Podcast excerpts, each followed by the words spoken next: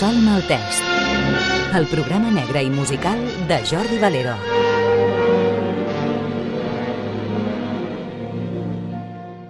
Hola a tothom, benvingudes i benvinguts al fascicle número 16 del Mussol Maltès. I si en l'anterior entrega us parlava de la gran novel·la negra que és El Falcó Maltès, avui toca parlar de la seva adaptació al cinema. Bé, de les seves adaptacions. Doncs la novel·la s'ha versionat de moment tres vegades. La primera amb el títol de El Falcó Maltès. S'estrenava el 1931, és a dir, un any després d'haver-se publicat la novel·la, la va dirigir Roy del Ruth, protagonitzada per Bebe Daniels i Ricardo Cortez en els papers principals, i va ser ben acollida per crítica i públic. La música la va posar Leo Forbstein, i en la primera escena sonava així d'endolcida.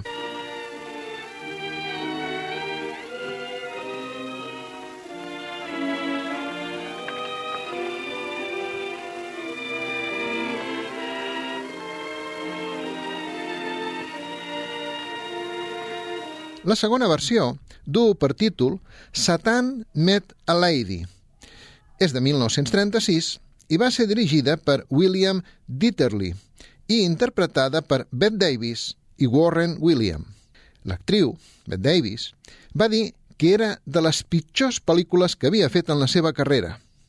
El guió pretenia ser còmic i paròdic de la novel·la i ni feia gràcia ni va caure en gràcia, el que la va portar a rebre només crítiques negatives. Així sonava la música d'entrada.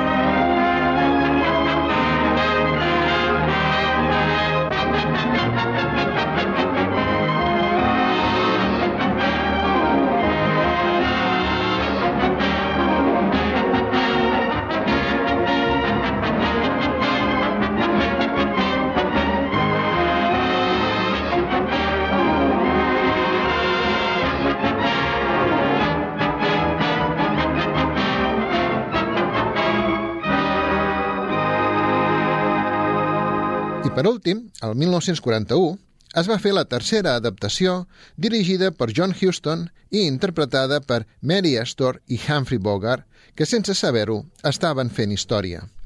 I és que, efectivament, aquesta versió del Falcó Maltès està considerada com la pel·lícula fundacional del cine negre. La primera pedra sobre la que s'edifica un gènere que encara avui segueix ben actiu i ara també molt present a sèries de televisió amb streaming. Un guió escrit pel mateix John Huston que va llançar-se a la piscina sense experiència prèvia com a director, però amb la convicció de que ningú millor que ell podria treure'n tot el profit. Quan la Warner Bros. va acceptar tirar endavant la pel·lícula, va proposar canviar-li el títol. Doncs havia produït les dues anteriors i volia deslligar-la del seu record i va proposar The Gen from Frisco. Però la insistència de John Huston per mantenir el nom original va vèncer la resistència de la productora i va acceptar el títol finalment de El Falcó Maltès. La productora, Warner Bros., va cedir, però va collar el director donant-li només sis setmanes per rodar el film – fet que va obligar John Huston a polir el guió fins al mínim detall per tal que tot estigués clar pels actors i no hi haguessin dubtes que obstaculitzessin el ritme de gravació. En Houston va complir, però s'hi va tornar i va tenir la seva petita venjança imposant el seu final en contra del final feliç característic de l'època. I també burlant-se del títol proposat per la productora, The Gent from Frisco, o sigui, l'home de San Francisco, mostrant en una escena un cartell anunciant el musical The Girl from Albany, la noia d'Albany, un musical que només va existir al cap d'en John Huston. I en la mateixa escena hi ha una picada d'ull que menciona The Great Lie, la gran mentida, una pel·lícula interpretada per la guanyadora d'un Oscar, Mary Astor, la mateixa Mary Astor que protagonitza El Falcó Maltès, en un clar exercici del que es coneix com metacine, o sigui, cine dins del cine. La pel·lícula, La gran mentida, de 1941, comença amb aquesta melodia que no és altra que el concert número 1 per piano de Tchaikovsky. A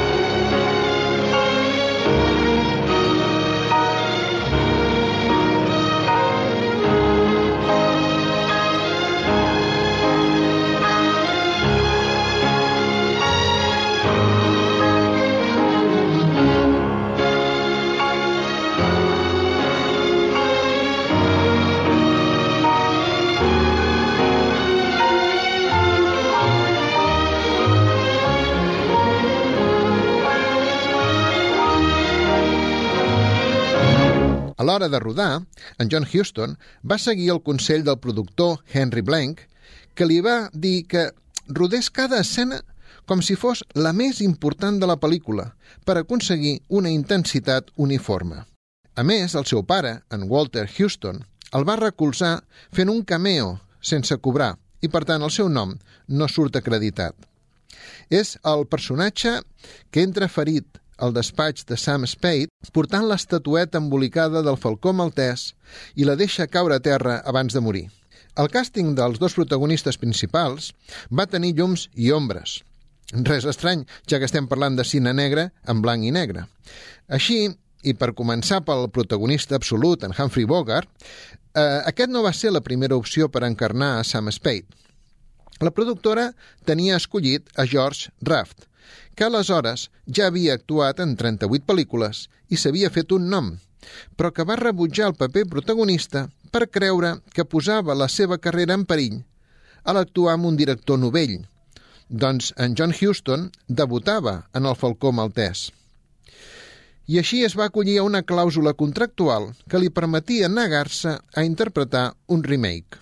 No va demostrar tenir bon ull, doncs la pel·lícula va ser un èxit i John Huston ha esdevingut un director de culte. De fet, en George Raft va ensopegar encara una altra vegada en rebutjar, també en favor de Humphrey Bogart, el paper de Rick Blaine, a un dels films estel·lars de la història del cine. Segur que en escoltar la seva cançó més famosa, el títol us vindrà al cap tot seguit. You must remember A kiss is just a kiss, a sigh is just a sigh. The fundamental things apply as time goes by. And when two lovers woo, they still say, I love you. On that you can rely.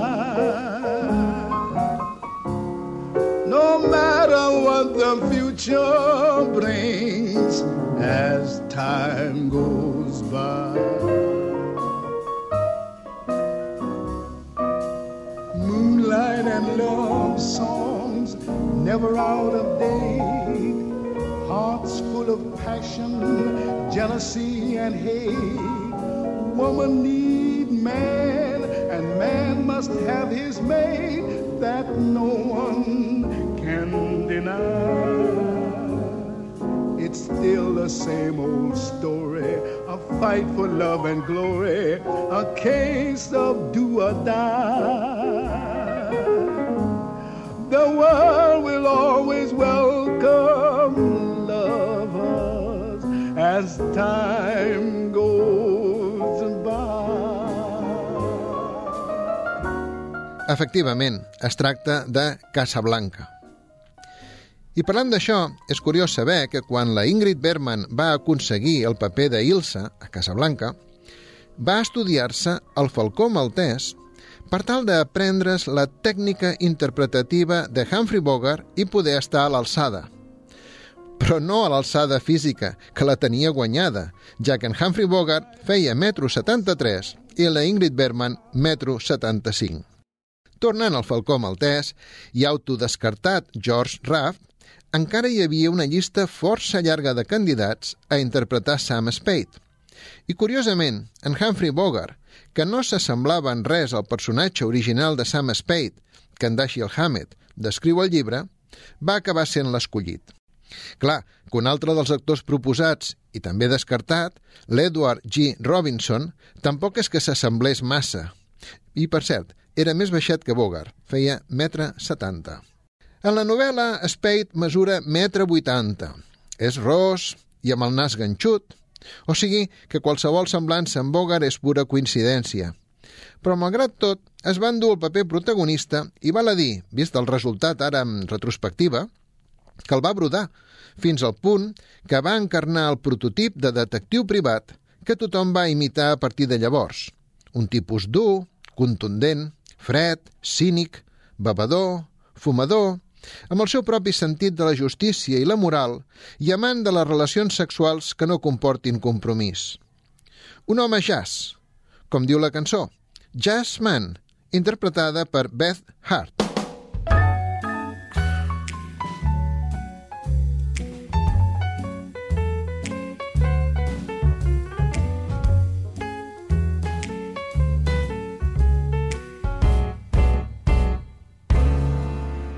One, two, three.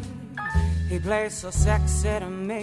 Three, four, five, six. Kid's got some brand new licks. Six, seven, eight. Down by the snake at the lake, there's a joint that's ready to blow. Every hound in the band's got a sound howling away. It must be Judgment Day.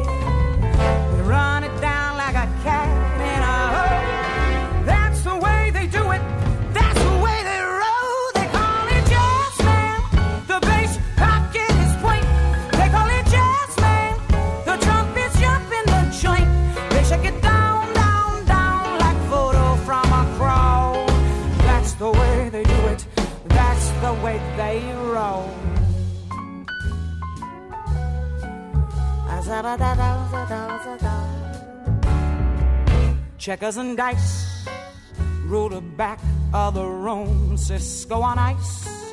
Always a reasonable price. Women in heels, heels, heels, in every color she feels. This joint's gonna blow your mind. Però, si la llista de candidats al paper masculí va ser llarga, la de candidates al paper de la Bridget O'Shaughnessy no va estar exempta de polèmica. Diuen que els escàndols pels diversos matrimonis, el judici pel seu divorci i altres assumptes personals airejats pels mitjans van influir en l'elecció de la Mary Astor, ja que així garantia l'atenció de la premsa i de rebot que aconseguia publicitat gratuïta pel film. Fos com fos, la seva interpretació és molt convincent. I sembla que el seu posat neguitós es va aconseguir perquè el director la feia córrer pel plató per tal que arribés a l'escena nerviosa i sense alè. D'aquí aquesta cara de compungida que, que mostren la majoria d'escenes. Un director amb el que, per cert, la Mary Astor va tenir una aventura mentre va durar el rodatge. La Warner era famosa per ajustar els pressupostos, tant com per arribar al punt de que la roba que vesteix en Humphrey Bogart en el film era la seva pròpia. Es veu que aquesta era una pràctica habitual de la productora per reduir costos. Segurament van considerar que ja havien gastat prou amb en Sidney Greenstreet en el paper del gros protagonista que lidera la banda i que vol apropiar-se de l'estatueta. Doncs en el moment del rodatge pesava 162 quilos, per la qual cosa no només van haver de fer-li roba a mida, sinó també les cadires on seu per tal de que poguessin aguantar el seu pes. En Sidney Greenstreet, malgrat tenir 60 anys, amb aquest paper fent de Casper Goodman, debutava al cine. Doncs fins aleshores només havia fet teatre, això sí, essent molt conegut a Broadway. I si en Greenstreet pesava molt, l'estatueta del falcó maltès no era pas massa lleugera que diguéssim, ja que amb una alçada de 30 centímetres tenia un pes de poc més de 20 quilos, com perquè et caigui el peu. I és que estava feta de plom i pintada de negre. Està clar que l'haguessin pogut fer de fusta o de guix, total, per pintar-la després no calia que fos tan precisa. I no hi ha certesa de quantes estatuetes es van fer per la pel·lícula, però sí que durant el rodatge es van fer servir mínim dues, ja que en la preparació d'una escena, a Bogart, se li va caure una a terra i es va abunyegar i la van haver de substituir. Aquesta estatueta es pot veure al Museu de la Warner i cal fixar-se en les plomes per veure la marca del cop. I el 2013, a Nova York, la casa Bonham en va subestar una altra per 4 milions 100.000 dòlars.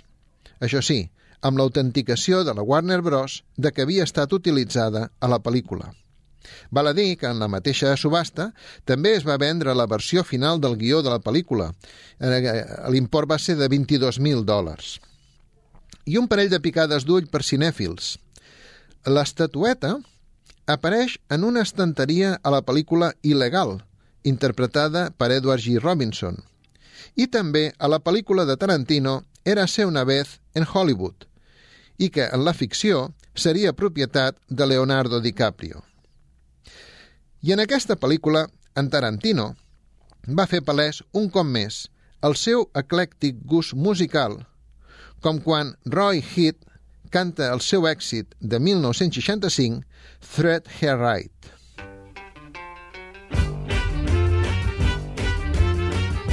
yeah,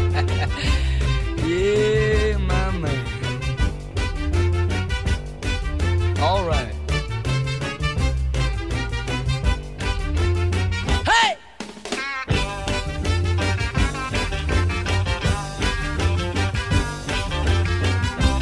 Oh, you're looking good, baby.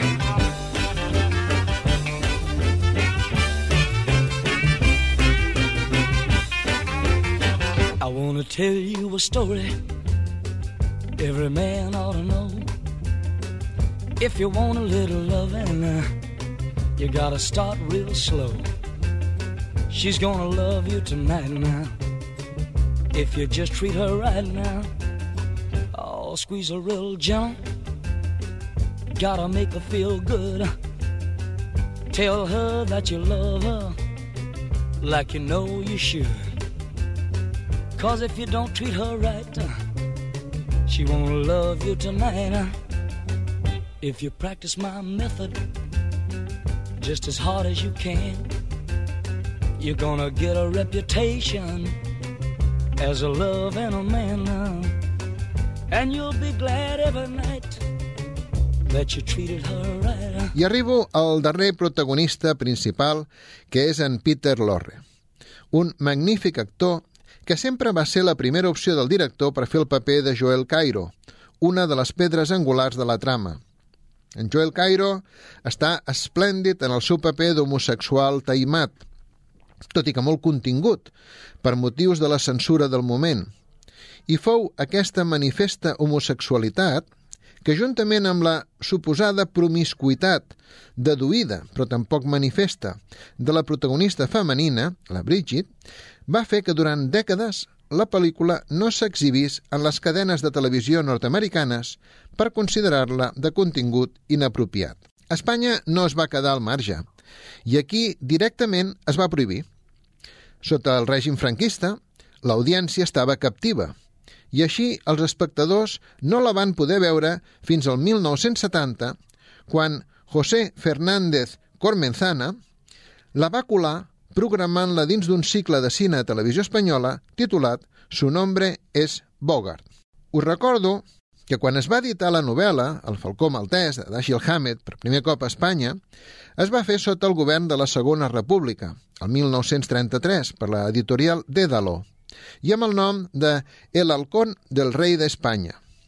No cal dir que, amb Franco al poder, el llibre va passar a engreixar la llista de lectures censurades. L'actor i doblador espanyol José Guardiola, que va viure de 1921 a 1988, va ser l'encarregat de posar veu a Humphrey Bogart en les seves pel·lícules doblades al castellà. El seu registre de veu greu i profund està associat per sempre més a l'actor americà. Tot i que si escolteu bé, també la reconeixereu en boca de John Wayne, Robert Mitchum, Michel Piccoli, Richard Whitmark, Anthony Quinn, Richard Barton o Lee Marvin. Una veu transcendent que no fa res tornar-la a escoltar. Buenas. ¿Qué tal va la noche? Vamos a ver si nos entendemos. ¿Quién eres tú? ¿Quién te dio vela en este entierro? ¿Quién eres en realidad y de dónde vienes? ¿Qué es lo que hacías y qué es lo que haces? Lo sé, lo sé. Eso es pedir demasiado. Lo siento, olvidé que habíamos dicho sin preguntas. Ya veo que de este asunto me tendré que ocupar yo personalmente. Tú ocúpate de tus asuntos, yo me ocuparé de los míos. Estoy seguro que vamos a entendernos. Porque tú eres listo y yo no soy tonto. Eso espero. Però, malgrat les traves polítiques, la pel·lícula va tenir tal èxit que la Warner Bros. va demanar a John Huston que escrigués una seqüela amb els personatges principals. El títol va ser Three Strangers, Tres Estranys, i es va estrenar el 1946. Però es van haver de canviar els noms i els papers dels personatges. Doncs, si bé la Warner havia comprat els drets de la novel·la El Falcó Maltès, no els tenia dels personatges, i l'escriptor Dashiell Hammett s'hi va oposar. La pel·lícula la va acabar dirigint en Jan Negulesco i la van interpretar Sidney Greenstreet, que no s'havia primat gens des de l'anterior, Geraldine Fitzgerald i Peter Lorre. És un versionat de la pel·lícula original que canvia el falcó per un ídol xinès i incorpora més assassinats. Un, un versionat com el que interpreta la banda de swing All Cat and the Roaring Tigers, del tema principal del Falcó Maltès, i que la toquen en les seves actuacions on reinterpreten clàssics sota el nom genèric de Murder and Homicide, o sigui, assassinat i homicidi.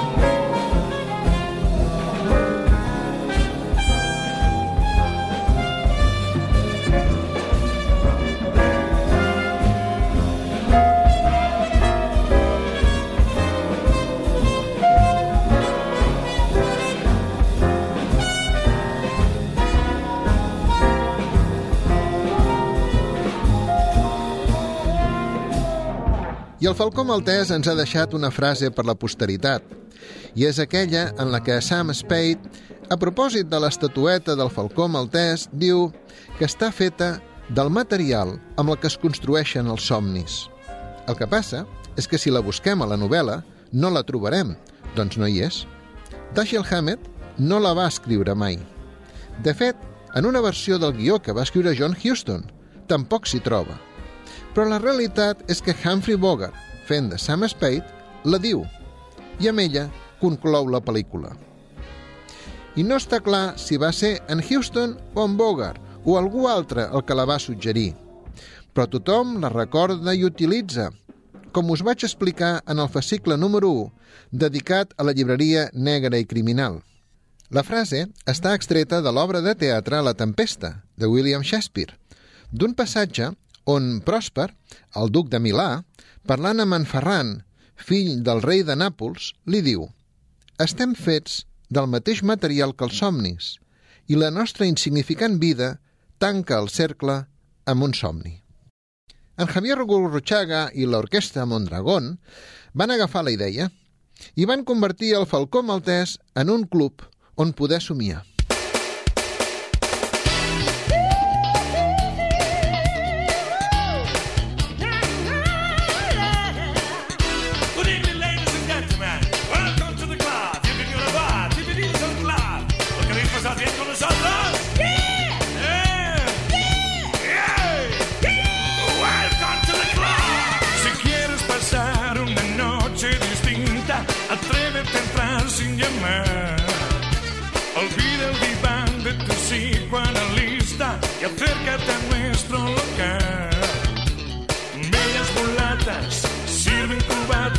El show va a comenzar. Aquí no hay portero que diga no quiero, dejan entrar sin corbata.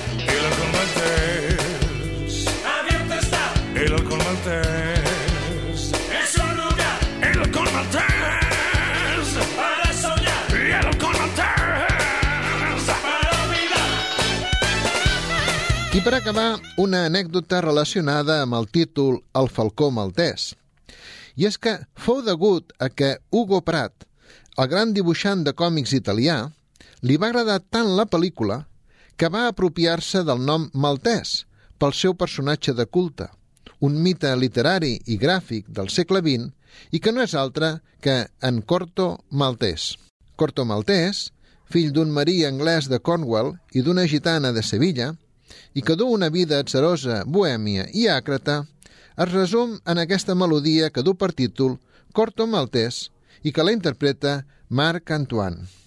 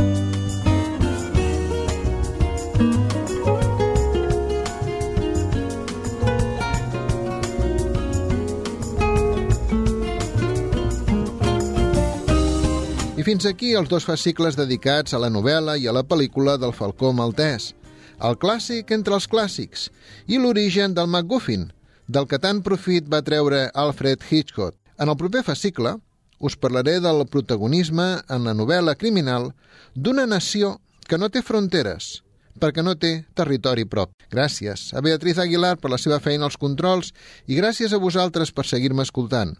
Soc Jordi Valero i això és El Mussol Maltès.